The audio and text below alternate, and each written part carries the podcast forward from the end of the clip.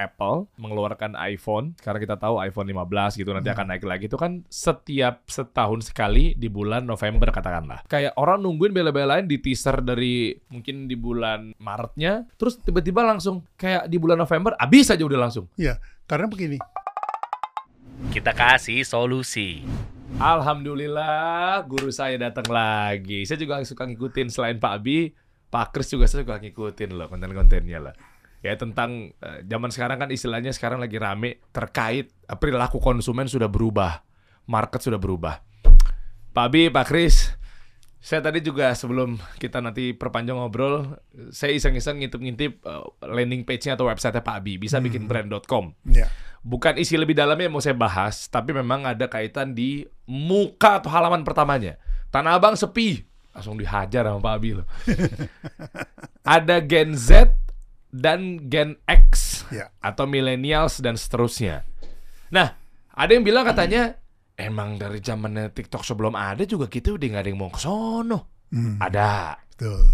Ada juga yang kubunya justru kita nih pengen TikTok Shop juga membantu kita karena udah nggak rame ke Iya. sini, kita pengen pendekatan abang TikTok Shop ada. Betul. Atau yang lagi rame katanya framingnya Tanah Abang malah pengen nutup TikTok Shop.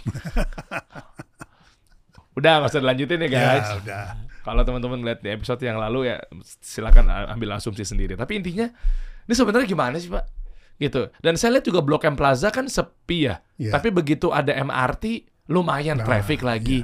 Maksudnya ini tuh terkait dengan perilaku konsumen apakah jangan-jangan Tanah Abang harus dikasih halte MRT dulu biar rame gitu.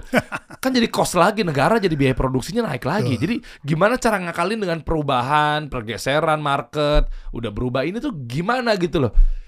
Ah, Ya. kita bahas dari jadi, awal deh, Pak Bi.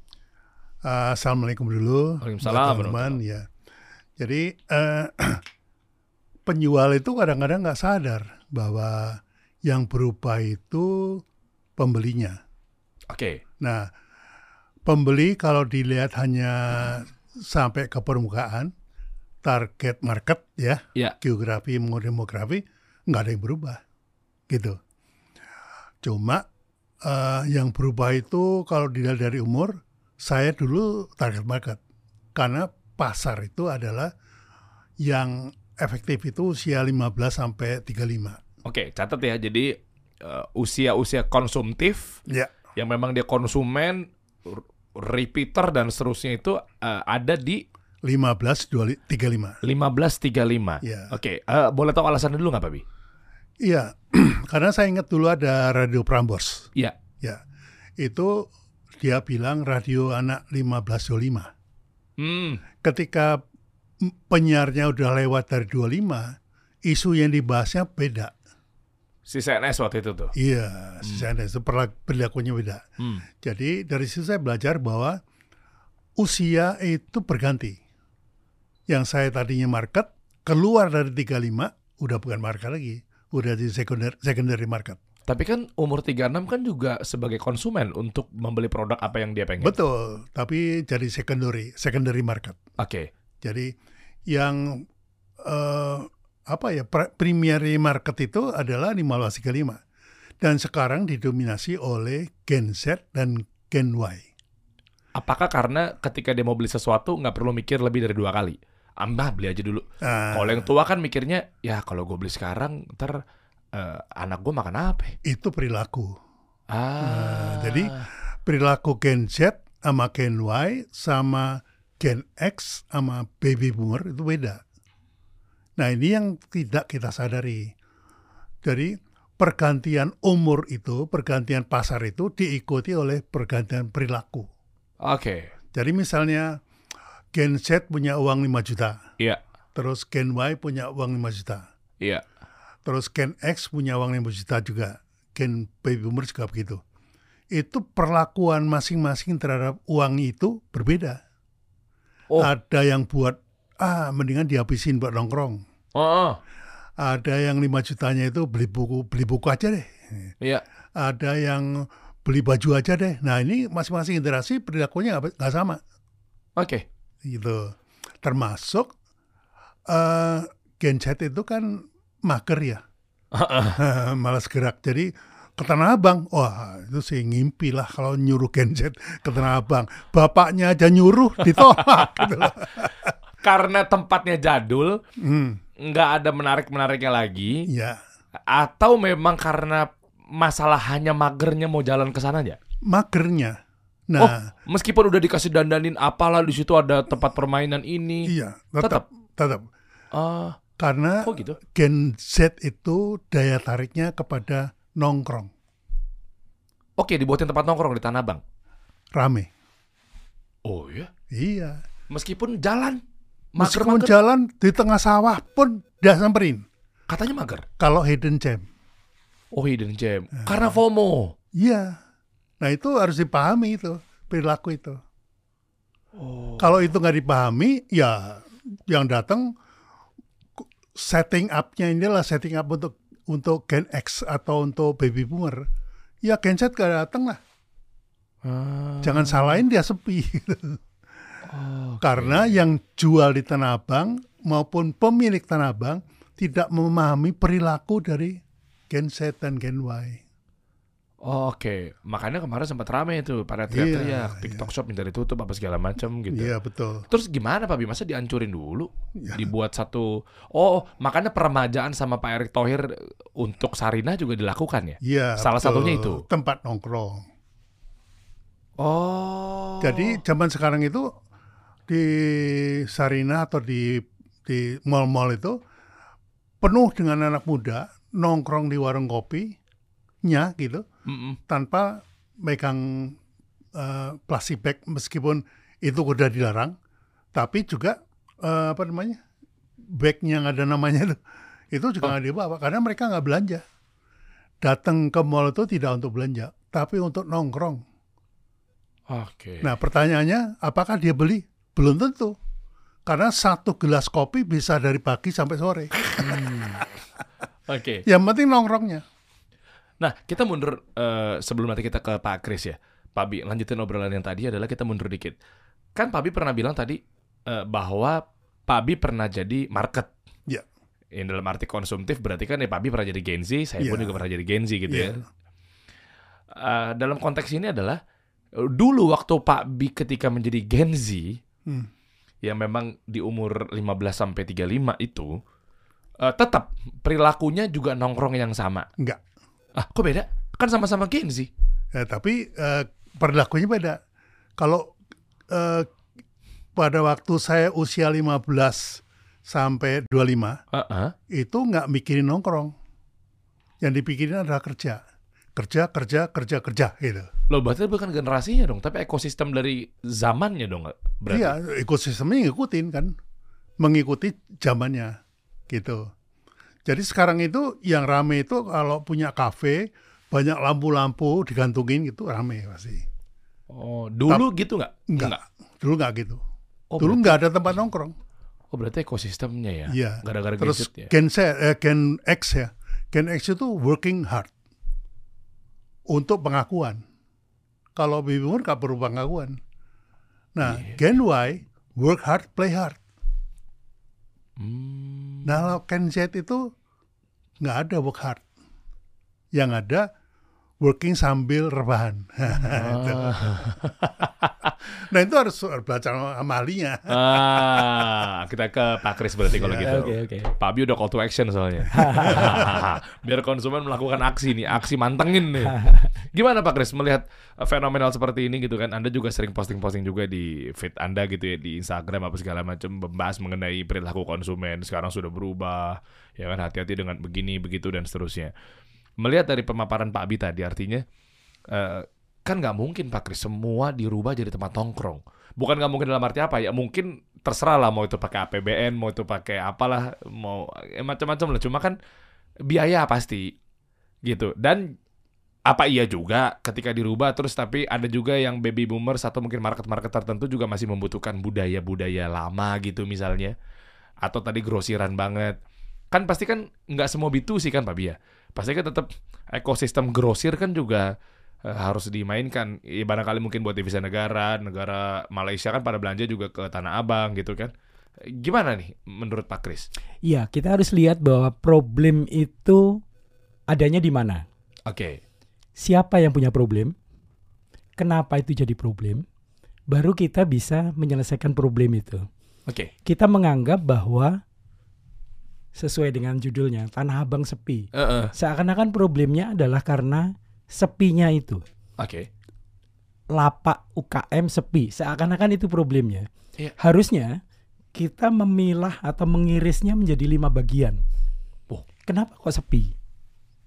Oke. Karena pengunjungnya jarang. Kenapa pengunjungnya jarang? Karena pengunjungnya tidak menemukan produk yang relevan.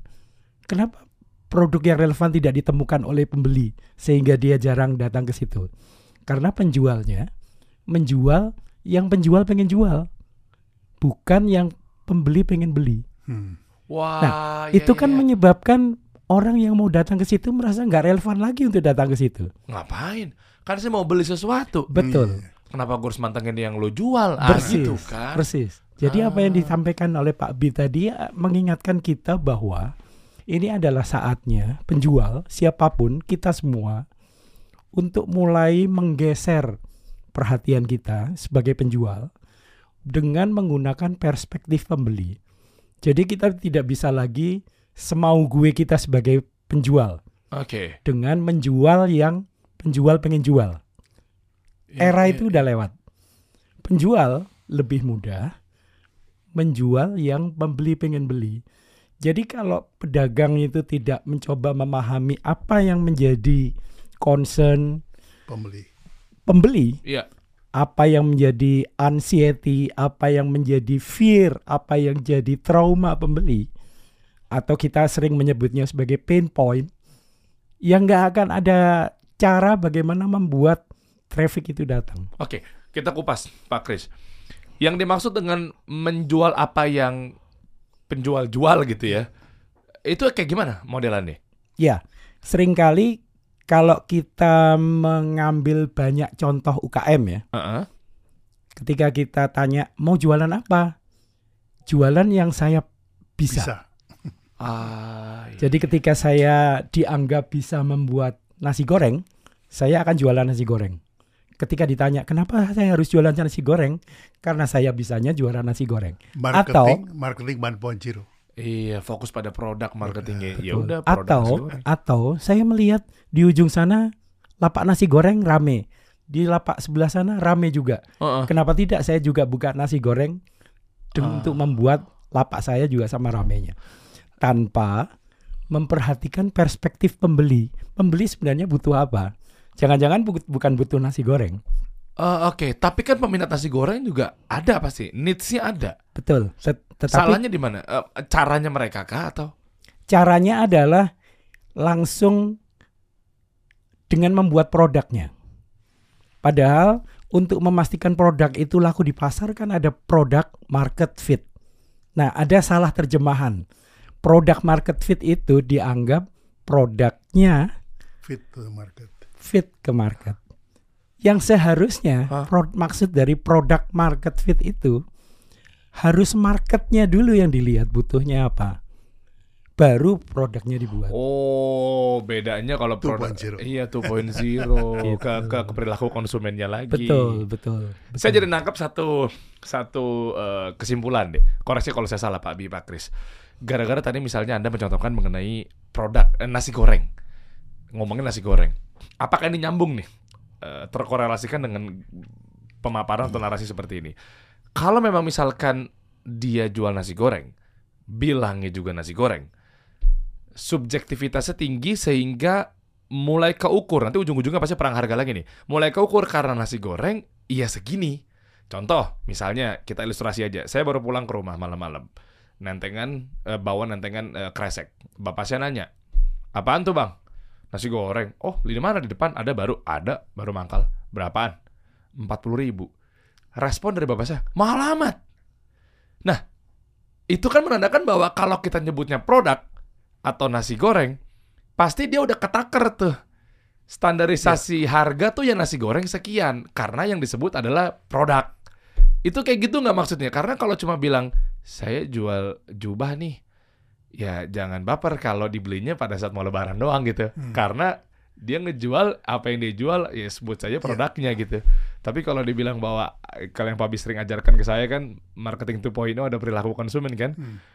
Ada satu eh, bisa dibilang benda yang bisa bikin kepercayaan dirimu meningkat saat lagi ketemu mertua di rumah. Ya. Itu kan jubah jadi lupa tuh. Iya, iya, iya. Iya kan? Tapi lebih kepada kayak, oh apa tuh?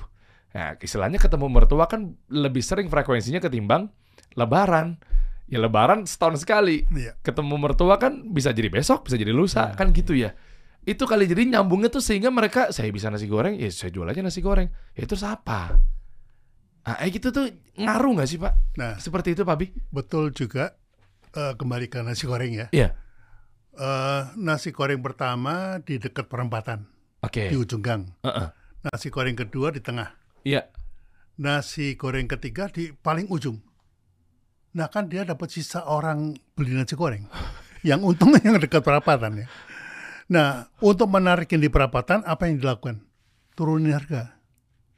Ah, biar dia ngelewatin di perempatan untuk dikejar ke sana. Iya betul. Capek juga kalau jualan Iya. harus turun-turunin harga ya. Nah itu dia. Guru saya Pak Abi pernah mengajarkan teman-teman namanya adaption kategori. Apakah ini yang disebut dengan laggards? Iya. Nggak ada pilihan lain. Nggak ada pilihan. Cari aja yang paling murah. Iya. Jadi ya cukup kompleks sih sebetulnya. Oke. Tapi yang paling penting adalah kita paham perilaku pembeli. Kita harus tahu apa yang mau dibeli oleh pembeli. Jangan egois apa yang kita bisa jual untuk penjual gitu. Meskipun sama-sama kebetulan nasi goreng. Ya. Jadi kalau ujung udah ada nasi goreng, ya kita pasti dapat sisanya dong. Oh, Ya jangan jual nasi goreng gitu. Kalau masih mau jual nasi goreng, tapi harus ada perbedaannya. Nasi goreng yang kambing misalnya gitu. itu added value. Ya. Ditambah value-nya. Jadi orang itu datang nyari nasi goreng kambing berapapun dibayar. Ah. Gitu. Itu poin zero. 2.0 karena marketing 2.0 atau 2.0 atau 2.0 itu adalah ya lagi-lagi balik lagi perilaku konsumen. Ya. Jadi apakah ini ada hubungannya dengan yang harusnya konsumen mendekat ke brand tapi malah brand atau mendekat ke konsumen. Itu Iya. gimana tuh Pak Bi, analoginya? Gini, jadi kalau teman-teman memilih marketing atau selling, itu nggak salah. Sekali lagi nggak salah ya. Tapi harus sadar bahwa produknya harus ditawarkan kepada pembeli. Ngoyo lah. Ya, Beli nih air minum gue gitu. ya. segala macam. Kalau mau pembelinya datang, ya diskon gitu. Oke. Nah, tapi kalau branding itu membuat pembeli mendatangi produk kita. Bahkan lebih mahal gitu. Oh enak tuh. Iya, makanya boleh pilih sih mau marketing selling boleh, mau branding boleh. Gitu. Cuman ininya berbeda, caranya berbeda. Oke. Kalau dengan membangun brand, maka pembeli akan datang untuk mencari produknya. Kalau marketing dan selling, produknya akan ditawar-tawarkan kepada para pembeli dengan macam-macam. Oh iya benar kalau branding itu kan makanya kan ada istilah personal branding, Iya. corporate branding, product branding gitu. Jadi dibangun tuh sehingga eh, konsumen yang datang Datang. Kalau zaman sekarang konsumen milih, milih. nyoblos, Yang warna apa Pak Bi? belum tahu. Belum tahu ya. Kasih solusi sih biru. Warnanya beneran, warnanya ini biru. Saya mer merah Oh, tua. merah, oh, merah tua. Saya mau nambahin lagi takut. Mending kita nambahin kasus-kasus aja yang ada Iya, ya terkait brand ya. Nah, eh, kita masuk ke ranah sekarang perilaku konsumen yang ada di Blok M. Pak Kris, Blok M tak seperti dulu. Itu suka ada hashtag seperti itu tuh. Dulu mungkin masih asik dengan tongkrong-tongkrongannya apa segala macam, tapi sekarang Blok M Plaza ini kita cerita, eh, cerita seputar di Jaksel dulu teman-teman ya. Karena nonton seluruh Indonesia nih. Eh, dengan ditambah ada MRT, kebetulan itu adalah jalur seksi atau jalur protokol, jalur penting sehingga harus dibangun stasiun di situ. Bayangkan ketika memang ternyata itu nggak dapat jatah bangun stasiun MRT. Terus eh, di gimana itu eh, lingkungan sekitar? Maksudnya apakah melulu bergantung pada ya udah deh kalau emang ini sepi kasih ngomongnya apa ya? Kasih aktivitas, kasih apa sih traffic. Kalau ke stasiun apa segala macamnya. Ya kasih traffic lah mungkin gambarannya gitu. Oh ada yang sepi kasih traffic. Oh ada yang sepi kasih traffic. Memang harus dimanjain begitu melulu gitu biar tetap tinggi trafficnya. Eh, gimana terkait dalam hal ini? Ya, ada satu eh, rumus menarik yang juga ditulis di buku terbarunya Pak Subiakto. Iya. Ini buat kita sebagai penjual, kita harus mengambil rumus ini sebagai pegangan penting. Sebentar Pak Kris, ini izin dulu nih boleh dibuka nggak nih? Ini ilmunya ada di buku soalnya nih. Nanti teman-teman udah nggak beli buku. Bocoran tipis-tipis. Boleh ya, bocoran tipis-tipis ya. Kak, jangan dilengkapin biar pada beli. Nanti kalau kebanyakan saya dimarahin Pak Abi Wah, juga. iya iya iya. Kalau bisa didongengin satu bukunya, Pak. Kita tinggal denger aja nih ini apa. Dibacain. Dibacain nih. Oke, gimana gimana Pak Oke. Kris? Jadi rumus dari Pak Bi adalah kita sebagai penjual nih ya, asumsinya Iya. kita sebagai penjual. Apa yang diinginkan penjual? Cuan. Oh iya dong. Cuan tuh asalnya dari mana? Ih, dari barang yang laku kan? Bukan. Bukan, Transaksi. maksudnya Ah. cuan itu berasal dari traffic. Oh ya, oke. Traffic berasal dari keramaian. Iya. Nah, bagaimana membuat keramaian itu terjadi Iya. dengan membuat atraksi attraction, iyalah. segala macam. Nah, di zaman dulu ada tiga hal yang bisa membuat traffic itu tercipta. Yang pertama iklan. Marilah datang berbondong-bondong, semua berkerumun. Iklan. Iya. Yang kedua, gathering spaces. Jadi misalnya itu pasar, stasiun, Hmm. terminal, lalu lintas orang, membuat orang terjadi pertemuan di situ. Hmm. Yang ketiga adalah eh, bagaimana membuat satu atraksi. Yang tadinya di situ tidak ada atraksi sulap, dibuat atraksi atraksi sulap. Iya. Sehingga orang jadi berkerumun, jadi penasaran dan seterusnya dan seterusnya. Iya. Dari tiga ini, kita sebagai penjual jadi punya peluang untuk jualan. Mm-mm. Itu yang tadi digambarkan Mas Heri dengan eh, terminal Blok M tadi Iya, itu. iya, iya, itu. Ada ada ada terminal, ada transit untuk MRT dan kemudian orang rame-rame datang dan Iya. mallnya menjadi agak hidup lagi. Iya. Ya kan pertemuan tuh. Betul. Heeh. Nah, tapi eranya berubah sekarang. Oke. Dari dari dari pelajaran Pak Abi kita belajar bahwa place P ya. Jadi kita diajari Pak Abi 4P. Product, price, place, promotion.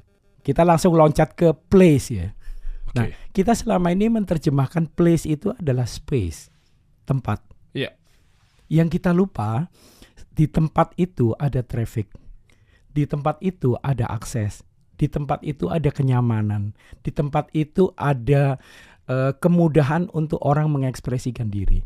Nah, itu hal-hal yang mungkin diabaikan oleh teman-teman di, di Tanah Abang. Padahal ada satu fakta menarik ini di ilmu behavioral science menjadi bahasan yang sangat mendalam. Fakta penting bahwa pembeli itu bukan makhluk yang rasional. Kan mereka beli gara-gara dia berpikir Betul. rasional. Betul. Kita kita Mikirnya merasa sebagai makhluk paling cerdas di muka Iya. bumi, Ah, begitu ah, kan. ah. Tapi sebuah penelitian mengatakan bahwa otak kita 95% dari keputusan otak kita itu ada di wilayah subconscious, subconscious. Tidak Oke. sadar. 95%. Oh, gede juga ya. apa yang kita pilih untuk sarapan. Kita mau minum kopi atau minum teh, mau olahraga dulu atau rebahan, mau liburan atau mau kerja. Pilihan-pilihan itu sering kali kita ambil tidak dengan satu logika yang panjang, Hmm. analitis, Nggak Tapi pakai lebih- mikir. Hmm. nggak pakai mikir, Iya. tapi lebih insting, emosional kayak begitu. Nah, itu yang kemudian membedakan dengan tiga hal yang tadi saya sebut tadi. Iklan, gathering spaces, dan kemudian attraction.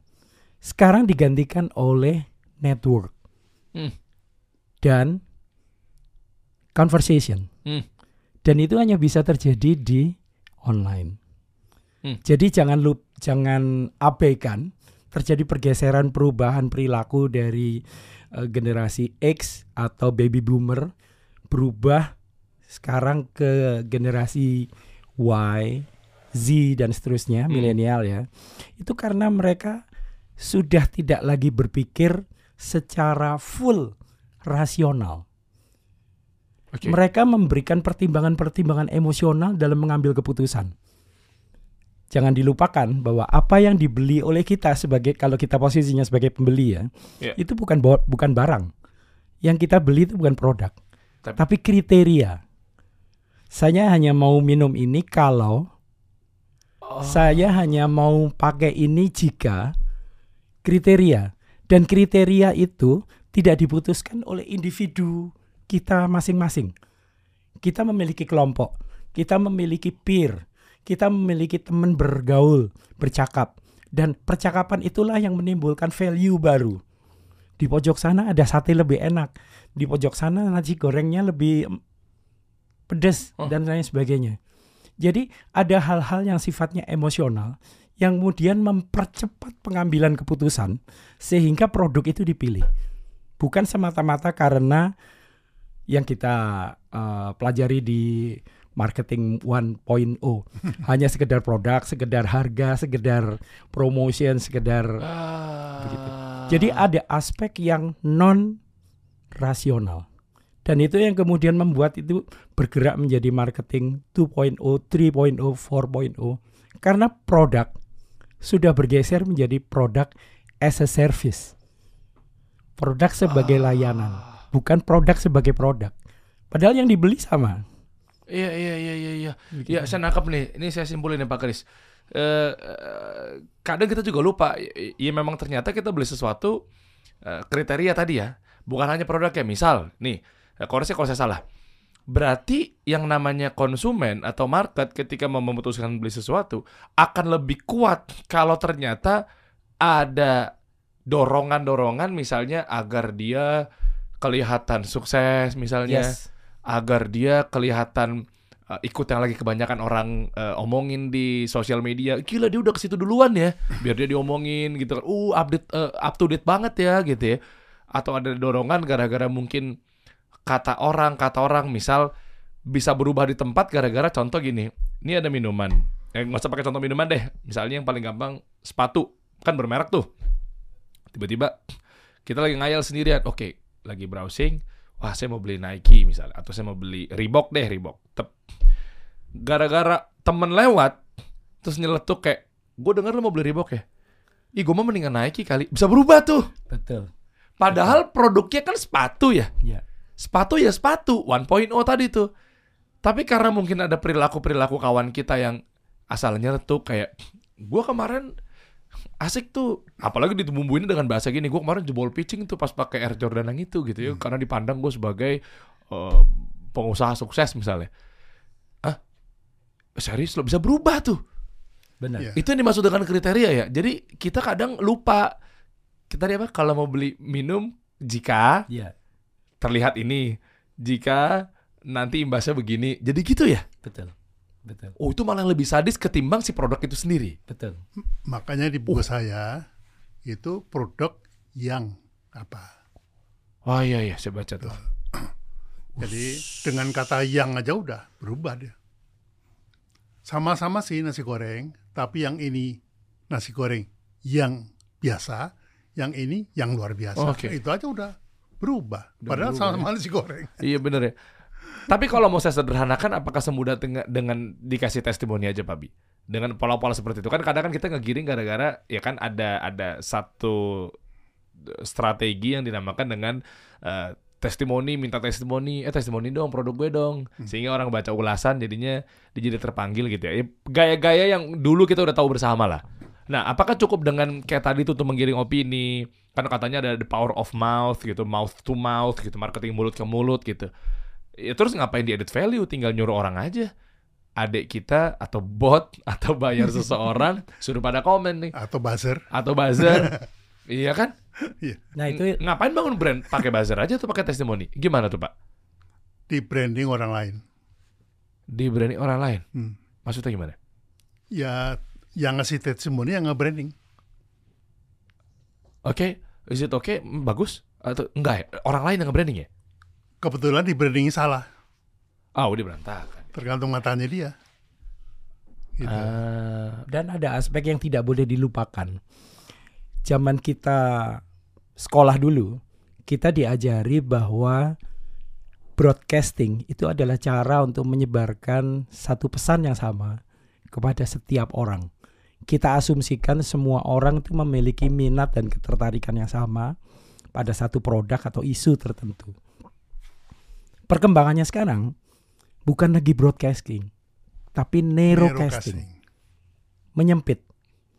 Nah, Kok artinya, artinya yang tadi Mas Dery sampaikan eh, tentang testimoni, tentang bagaimana eh, influencer itu memiliki pengaruh untuk pengambilan keputusan pembelian gitu.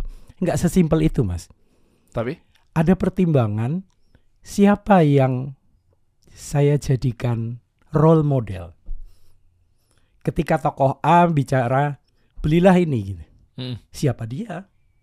Hmm. Tapi ketika yang bicara ini adalah Mas Dery, Oke. saya akan yakin Amin. Oke. Karena conversation ini, conversation yang bernilai. Saya tahu Mas Dery, Mas Dery tahu saya. Iya. Tapi ketika itu hanya seorang tokoh, misalnya bintang iklan atau apa, dia kan ngomong begitu karena dibayar, Iya lagi. begitu. Dan Jadi- udah tahu. Jadi- ya, kita udah tahu. Ya, lu memang brand ambassadornya gitu ya. Jadi ada pertimbangan proximity, kedekatan. Oke. Siapa yang ngomong kepada siapa? Loh, cara bikin kedekatannya kan paling bisa dihitung jari, Pak Kris. Adik kita, kalau yang ngomong adik kita yang dekat sama kita, kita propose ya, agar dia mau ya. Orang kakak kita. Orang yang lebih berpengaruh, Lebih berpengaruh. orang yang memiliki Oke. kepakaran, orang yang dianggap memiliki eh, solusi atas problem kita. Ada hal-hal kriteria ada. Oke. Nah, itu kan pasti butuh biaya, butuh cost. Not really. Itulah fungsinya media sosial. Jadi kalau kita membaca media sosial itu kan kita anggap adalah media dan berjangkauan sosial. Namanya juga media sosial. Mm. Kenyataannya kan enggak. Semakin ke sini media sosial itu bukan media dan semakin tidak berjangkauan sosial. Ada sebuah studi yang mengatakan bahwa ketika kita menyampaikan satu pesan yang sama melalui media sosial, Iya. yang terjadi adalah potensi terjadinya konflik. Karena pesan yang sama dipersepsi berbeda oleh tiap orang. Oh iya, makanya satu pesan bisa pro ada pro ada kontra yes, ya. yes. Nah, Oke. itu bedanya ketika pesan ini dibawakan oleh orang dengan proximity atau kedekatan Kedekatan. Ah. dan affirmity. Kesamaan. Iya. Jadi sama-sama eh, penyuka bakso, sama-sama penyuka nasi goreng. Iya. Ketika itu disampaikan oleh Mas Dery, Mas Kris, di sebelah sana ada nas- orang jual nasi goreng baru. Saya percaya. Ah, ah. Karena kita sesama penghobi Iya. produk atau kriteria produk yang sama. Jadi ada pertimbangan-pertimbangan eh, informasi apa yang kita anggap sebagai referensi, siapa yang kita anggap sebagai preference pilihannya, dan itu yang menentukan pilihan. Oke. Dan orang-orang ini akan bersuara balik lagi mungkin dengan royal, mungkin dia jadi loyalis, mungkin dia punya ikatan emosi, Ya. mungkin dia menjadi advokasi sebuah Yes. brand atau produk Yes. nggak akan bisa bersuara kalau dia nggak bangun brand itu sendiri ya Pak Iya. Bia. Iya. Nah ini daripada dipaksa banyak pemain baru UMKM punya duit dikit, ada space buat eh, istilahnya budget marketing lebih panjang, taunya langsung dihabisin bayar influencer, tapi nyatanya boncos, ya Iya. kan dipaksa untuk diperkenalkan, disodok, disodorin dan seterusnya. Tapi kalau mungkin polanya lebih hemat, mungkin dia tahu cara bangun brand itu sendiri sehingga menciptakan ikatan emosi. Jadi nggak perlu dibayar pun brand itu akan bersuara, jalan sendiri, bahkan malah orang yang rela untuk beli, oh dia beli, rela buat ngomong lagi. Padahal dia beli. Kalau influencer kan dia nggak beli, dia malah dibayar.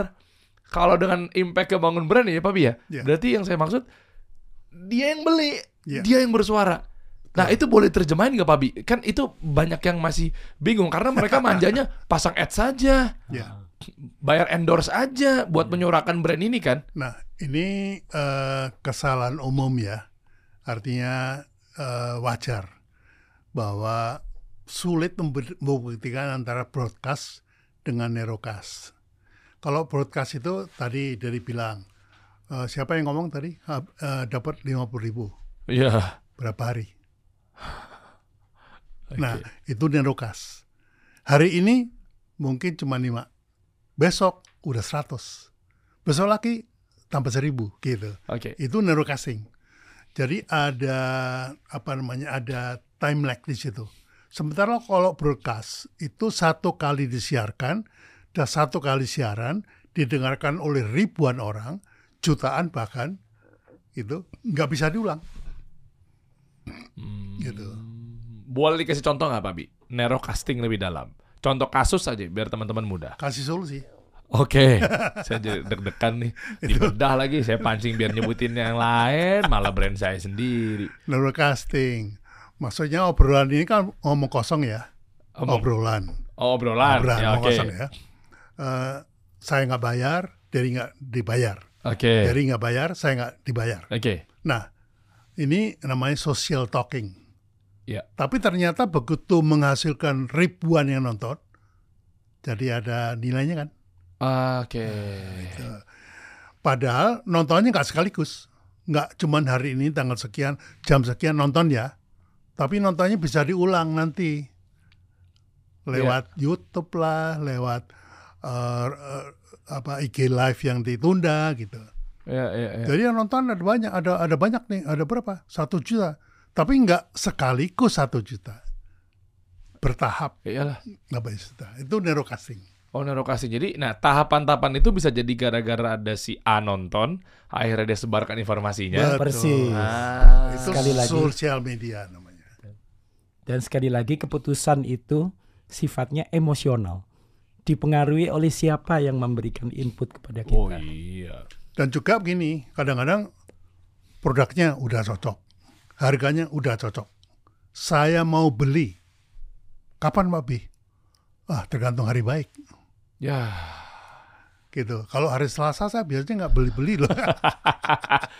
Ya, ya. Cuma saya itu belanja hari Sabtu aja. Kan itu emosional kan. Heeh. Menjadi personal. Oke. Jadi keputusan untuk membeli atau tidak sudah dibuat, tapi realisasi pembeliannya tergantung emosional. Oke. Dan eh, boleh tahu nggak eh, bagaimana dan kenapa gitu ya judulnya ya terkait eh, Apple mengeluarkan iPhone. Sekarang kita tahu iPhone 15 gitu nanti akan naik lagi itu kan setiap setahun sekali di bulan November katakanlah. Nah, itu kan kayak udah ada magnet tertentu ya Pak Bia. Iya. Kayak orang nungguin bela-belain di teaser dari mungkin di bulan Maretnya, bulan uh, Februarinya kita akan keluarin yang begini modelannya. Terus tiba-tiba langsung kayak di bulan November habis aja udah langsung. Iya, karena begini, eh, secara emosional Nah, itu gimana tuh? kita itu percaya bahwa keluaran Apple 15 pasti lebih baik dari yang 14. Yang 15 lebih baik dari yang 14. Oke. Itu emosional. Apa karena gara-gara angkanya? Angka lebih tinggi pasti lebih. Betul. Oh, itu harus strategi juga ya? Ada lagi. Nggak cuma sekedar uh, bukan angka biasa lah ya. Oh ya? Iya. Jadi bisa bikin brand seri 1 dan bisa bikin brand seri 2. Yang kedua lebih lebih lengkap nggak? Oh iya lengkap. Itu belum terbit bukunya. Kamu Ah, sudah Udah punya penasaran. persepsi. Oke, apakah harus angka? Ada nggak Oh, cara enggak. lain? Enggak. Per- eh, silver, gold sama platinum gitu kan. Dari kartu kreditnya apa?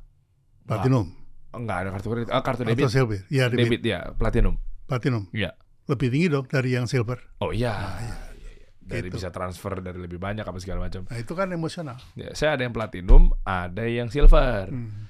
Buat misahin tabungan misalnya. Iya. Nah, berarti itu pun juga udah beda ya. Ya batas batas transfernya berapa? Iya. Itu udah otomatis kalau kita terima lah, udah diajarin sama orang. Iya, iya benar-benar. Tapi kalau kita mundur jauh, Pak Bi, eh, apakah UMKM juga harus harus bangun brandnya tuh kalau kita ngomonginnya teori eh, 1.0 atau sampai 4.0 gitu ya. Itu kan mereka berpikir bahwa kita yang penting besok bisa makan dulu, tapi pengen gimana caranya 4.0 gitu ya. Nah, mindsetnya tuh masih kayak boleh nggak langsung ke 4.0? Kalau kita nggak pengen langsung ngomongin produk, boleh nggak langsung kita bangun komunitas komunal gitu. Taruh ujung-ujungnya berarti pakai harga dong buat bayar eh, apanya lah, orangnya lah, komunitasnya lah, ah yang gitu-gitu, Pak Bi. Nah ini eh, pengertian yang awam ya. Iya. Tapi kejadiannya faktualnya adalah kita itu berbisnis dengan marketing 1.0. Iya. Tapi kenyataannya masyarakatnya menuntut 4.0. Mm-mm. Sementara kita masih di 1.0. Kita dipaksa mau nggak mau masuk ke 4.0. Karena melihat dari apa yang mereka Karena pengen beli. Pembelinya ya, Eh, Kenapa malah pembelinya menuntut ingin ke 4.0? misalnya Eh, orang lebih percaya membeli barang sama orang yang kenal kita. iya dong. Itu engagement, Heeh. itu 4.0. Maka penjual harus mengenal pembelinya. Oh. Kalau nggak kenal pembelinya, siapa orangnya? Nggak ada urusan. Ya, pokoknya kau tawarin, ya nggak dibeli karena nggak kenal. Tapi ketika ada keakraban, nah, kau beli aja deh. Lebih mahal der, nggak apa-apa deh. Tetangga saya nggak enak. Gitu. Oh. Ada kedekatan. Cara bangun kedekatan atau engagementnya itu bagaimana? Ngobrol kalau ditanya jawab. Jangan lu ngomong sendiri nyerocos, gua komen lu diemin. Gua juga tersinggung. Oh, hal kecilin aja Iya. UKM tuh nggak mikirin ya. Betul. Saya pernah ketemu sebuah merek gitu ya, ya makanan misalnya. Saya lihat tuh yang nanya-nanya di komen dianggurin begitu aja. Iya, nah itu salah. Karena tidak menciptakan engagement, keterikatan. Hmm. Itu sudah marketing 4.0. Walaupun jualannya itu masih pecel, masih gado-gado, masih fisik, tapi approach-nya itu udah engagement. Oke. Udah sama-sama eh, masyarakat gado-gado gitu. Oke. Tapi kalau dari sisi yang lainnya itu kan produk gado-gado tapi bangun engagement. Ya, Khawatirnya orang malah ngiranya, lah ini kan one on one nih, berarti produk lagi produk lagi. betul. Tapi kalau berpikir bahwa eh, marketing 4.0 yang Pak Bi suka ajarkan ke Hmm. saya dan teman-teman juga dia beli agar diterima di golongan apa dan siapa Betul. gitu ya. Nah, eh, golongan berarti kan harus dioptimasi dengan kelompok. Ya. Mungkin dari visualnya, dari postingannya dan seterusnya. Nah, artinya eh untuk menggairahkan biar kita makin engage, terus kita harus menciptakan atau masuk ke dalam sebuah komunitas dong, Pak Bi. Ya, tribes itu tidak eh, membutuhkan membership card. Oke. Jadi kalau dari misalnya dari suka pakai sepatu Nike, Ya, saya pakai Nike, ya. it- kita nggak usah ngomong aja udah satu tribes. Saya ngeliat, oh pakai Nike yang gitu ya. Saya Iya. juga pakai Nike. Oke. Ya, jadi ketika eh, Pak Luhut pakai Nike, kamu pakai Nike, nah Sa- punya interest yang sama nih. Oh, satu tribe kita nih. Ya, kita udah buka kunci untuk ngobrol. Oke. Itu bibit-bibit komunal ya. betul. Jadi nggak harus tiba-tiba dia keluarin budget produksi untuk enggak. bayar model, langsung kita keluarin. Jadi ini lagi mengajarkan ke teman-teman UMKM yang masih berpikir, oke lah, mungkin kalau bisa langsung jumping kenapa enggak? Tapi dari dasarnya mereka banyak melupakan engagement. Hmm. Jadi kita langsung kita move ke marketing 4.0 ya. Yang kedua excitement. Oke, terkait harga. Produknya, ya terkait harga. Produknya bikin excited, excited apa enggak? Contoh. Jadi ketika saya makan itu excited, excited. Ketika saya makan pesanannya sama dengan Pak Luhut, saya excited. Gitu. Oh itu dilakukan oleh Apple ya ketika keluar di Iya. bulan November di iPhone 15 itu ya. Iya. Berarti inovatif masuknya. Terobosan-terobosan baru. Eh, Bukan. Bukan itu itu excitement aja me- memberikan perasaan kalau sudah excited harganya berapapun saya bayar. Hmm. Bahkan saya bisa loh ke Jogja naik pesawat sampai di Jogja makan siang di ujung udah gitu pulang lagi ke Jakarta bisa karena excited. Uh. Berapapun saya bayar. Bangun agar eh, excited atau bangun excitement itu gimana, Pak Bi? Nah itu dari yang pertama ada engagement nggak? Dari situ dulu tuh ya. Iya. Saya kemarin ke Bali Hmm. ketemu Mas Keke hanya untuk ngobrol sehari dua hari, pulang lagi. Ditanya ngobrol apa? Ya ngobrol aja. Karena karena ngobrolnya itu bikin excitement. Jadi engagementnya itu bikin excitement gitu. Hmm, Oke. Kalau udah excitement berapapun dibayar. Apakah cukup dengan jualan produk terus tiba-tiba dia cuma ngobrol aja di komen padahal marketing 1.0? Ya Bisa, Bisa langsung berubah langsung ke 4.0 bisa. tanpa pakai komunitas gitu-gitu. Nggak, bisa langsung. Wow. Gitu. Wah, ini kabar gembira nih. Hanya dengan engagement aja udah udah udah bisa masuk, udah bisa ngebentuk. Kalau engagementnya kepada lima orang itu udah tribes. Oh, iya. Jadi engage sama saya, engage sama Mas uh, Chris. Chris, engage sama Bu Tita itu udah udah satu tribes. Dan ujung-ujungnya akan lebih mudah ya konversinya ya, Babi, ya? Betul. Itu makanya pergeseran. Ujung-ujungnya di- dikasih, wah ini harganya sepuluh ribu nih Babi. Ya udah deh, der, gue beli lima ratus ribu Iya. deh gitu. Apalagi kalau udah ngomongin marketing 4.0, beli agar diterima di golongan mana. Hmm. Kalau ngeliatin Pabi udah pakai iPhone 15, Pak Kris sudah juga ikutan beberapa hari kemudian ganti, Bu Duwita ganti, kita nongkrong bareng, ya kali kita iyalah. gengsi juga gua Pak. Ya udah pada ganti semua ya kali gue belum Betul. ganti kan gitu ya. Iya. Itu kekuatan tribes tuh kayak gitu tuh. Iya, betul, 4.0 tuh biar gue diterima di golongan itu gitu loh. Betul. Ya kalau enggak ya gimana besok-besok baru ngobrol mata turun dikit aja kita udah baper. ya ini pasti nih ngeliatin handphone gua nih gara-gara belum ganti nih. Padahal cuma biasa aja gitu. Orang tadi saya datang aja ngeliat kaosnya Derry langsung baper. Kenapa Pak Bi? Saya kan kaos resmi, situ kan anak muda. Jadi kita nggak satu tribes nih. Justru saya yang levelnya kerendahan. Kalau pakai baju itu kan agen valuasi. Ah. baju bisa bikin brand. Saya yang harus minder. Ya, gua nggak pakai baju itu lagi. Berarti ilmu gua dipertaruhkan ntar. Karena ngeri ini baju bisa bikin brand. Nah, artinya ternyata UMKM juga pun juga bisa, Bisa. bikin brand asal tahu caranya. Ya, Seperti yang tadi Pak Kris juga udah singgung-singgung tipis-tipis. Caranya ternyata Anda ngumpet-ngumpet buka bukunya Pak Bi ya. Oh iya. Oh, udah di situ caranya Itu Pak. ya? buku wajib, buku bacaan wajib. Kitab. Oh kitab, Udah ngeri lagi tuh. kitab bacaan wajib. Udah jadi kitab ya beliau. Wow, apa yang kesan-kesan di bukunya Pak Bi? Ya selalu kita diingatkan bahwa nggak bisa hanya sekedar melakukan tanpa ada ilmunya. Iya. Dan kita beruntung punya ilmu punya guru seperti Pak Bi Wah, guru saya yang juga. dari buku itu kita bisa belajar lebih terstruktur begitu. Maksudnya apa sih? Apa yang harus dibenahi sih? Kayak gitu-gitu. Iya. Yang sebenarnya kita mungkin ya se- siapa pun penjualnya akan melakukan itu. Siapa pun pedagangnya akan juga melakukan itu. Tapi tanpa dasar pemahaman loncatannya itu nggak akan berdampak. Begitu. Mm-mm, itu ya. Jadi kita tuh jangan pernah beramal sebelum berilmu gitu. Ya, ya. Iya kan?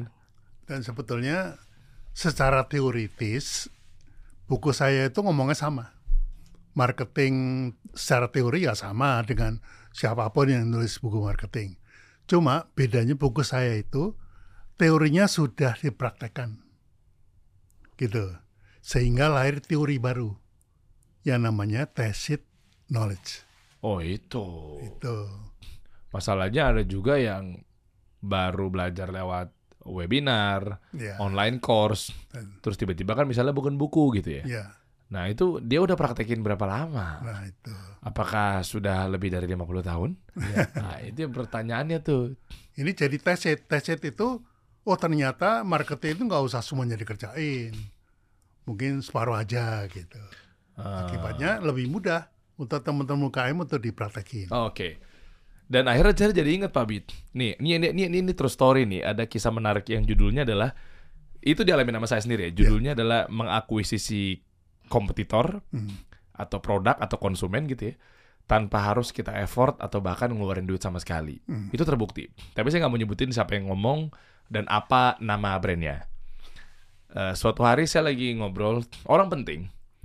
Beliau tiba-tiba cerita dan saya nanya, Pak, lagi sekarang jalanin program apa? Oke, dia sebut, oh di kami kita di instansi kami kami lagi bikin program ini gitu. Nah program itu programnya eh, yang memang dia lagi jalankan. Terus pas disebut kata itu, saya langsung refleks, hah? Saya langsung bilang, oh, berarti sama Pak Abi ya, gitu. Saya cuma refleks gitu aja, dia cuma ketawa-tawa aja, ah iya. Terus akhirnya tadi saya nanya teman-teman sama Pak Abi, Pak Abi lagi jalan sama Pak ini, gitu kan? Enggak, ah. Soalnya dia nyebutinnya yang disebut nama produknya Pak B, tapi dia bukan menyebutkan nama produknya dia. Itu efek dari bangun brand tuh yang bener begitu ya, Bi ya. Ternyata bisa terakuisisi dia sendiri terakuisisi sama Pak Abi padahal programnya dia yang bikin. Lah kan lucu ya. Ibaratnya misalnya saya bikin Nike. Terus tiba-tiba Dimas nanya gitu.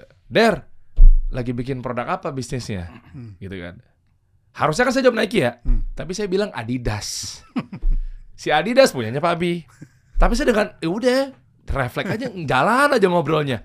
Lah kan parah ya. Maksudnya level udah owner sama owner malah menyebutkan kompetitornya kan itu oh ini level apa lagi nih ilmu brandnya nih. Itu terjadi, makanya tadi saya nanya. brainwash. Jadi kalau campaign itu harus paham ada tiga level campaign. Ya, oke. Campaign pertama itu udah memperkenalkan kompetensi. Ya. Level kedua mem, me- yang pertama itu mempopulerkan ya. Oke. Level kedua itu membuktikan. Jadi sudah dilakukan. Nah, level terakhir itu brainwash. Wow, itu udah paling sadis tuh ya. Ya, coplos kumisnya gitu. Wah, coblos kumisnya. Iya, iya, iya. iya. Bersama kita bisa. Sama kita bisa. Itu Pak semua tuh. Itu eh, harus tahu oh, ini campaign eh, membangun awareness atau eh, brainwash kita harus tahu. Iya, benar. Kalau kecepatan nggak ada gunanya. Iya, benar. Ketika baru, ya. baru awal-awal memperkenalkan diri udah coplos kumisnya wah salah. Iya benar dan itu kata-kata itu misalnya udah dibangunin dengan benar narasinya coblos kumisnya Ya. mau tadinya dia di rumah mau keluar ke TPS tuh misalnya ingetnya si A gitu ya Iya. taunya gara-gara terbrainwash coblos kumisnya begitu masuk TPS kotaknya Coblos, ya. malah carinya kumisnya padahal dari rumah nggak ada kumis tuh orang itu Iya. niatnya mau dicoblos ya udah ke brainwash tuh dia tuh sama kayak yang cerita tadi tuh Iya. Makanya saya ya ya aja. Oh iya, yang nggak heran juga mau orang-orang penting kayak gimana pun udah levelnya Pak Abi mah saya nggak heran.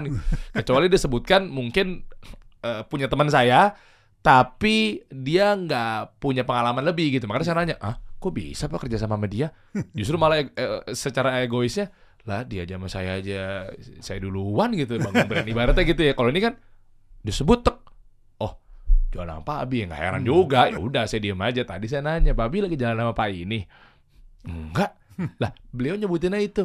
Oh salah. Yang diklarifikasi lagi. Yang punya beliau namanya ini yang punya Pak saya yang namanya I- ah bener kepleset. Bangun brand memang semua itu ada di buku Pak Abi Ada di buku.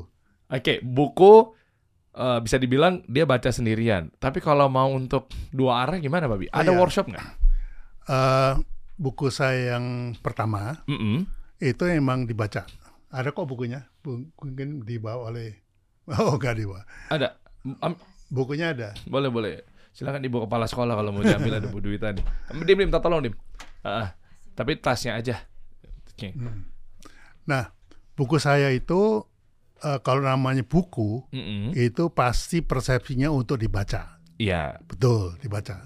Tapi itu persepsi orang lama.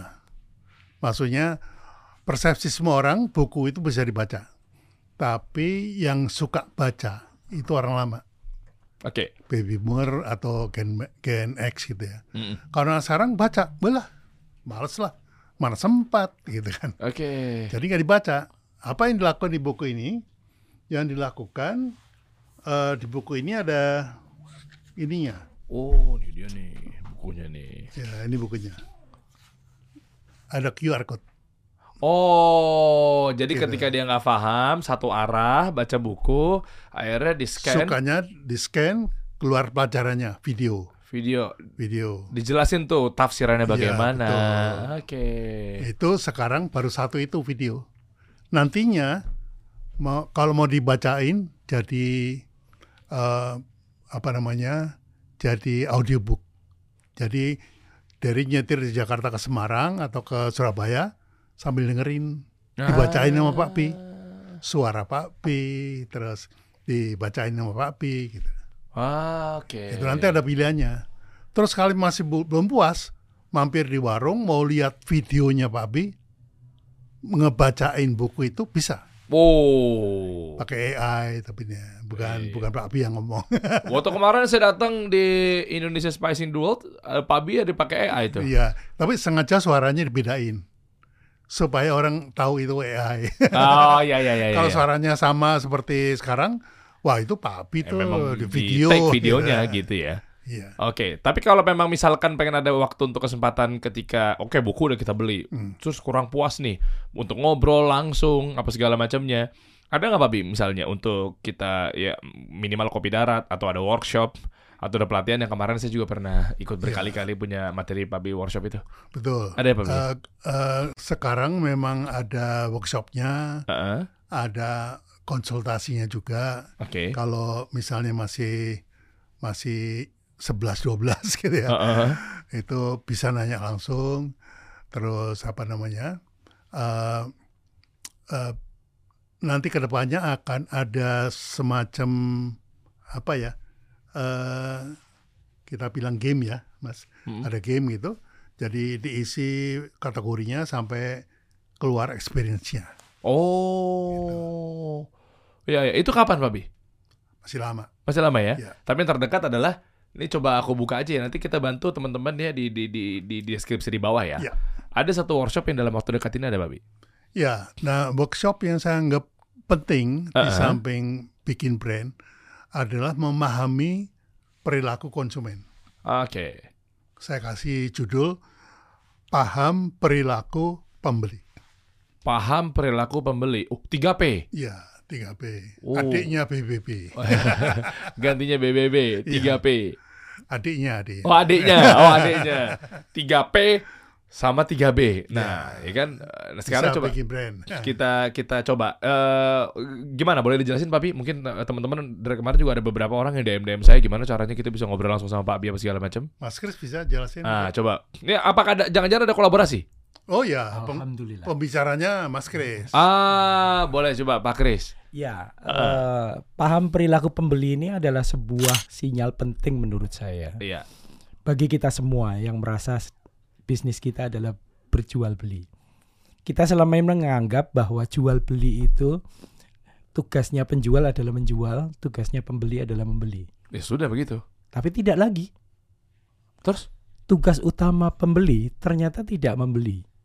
hah karena ada satu struktur baru ekosistem di mana conversation dan network itulah yang tadi saya sebut di awal ya Mm-mm. menjadi bagian penting yang membuat bisnis itu berjalan. oke Jadi ketika saya ditawari produk, iya belum tentu saya membeli, tetapi saya memperbincangkannya dengan Pak Bi.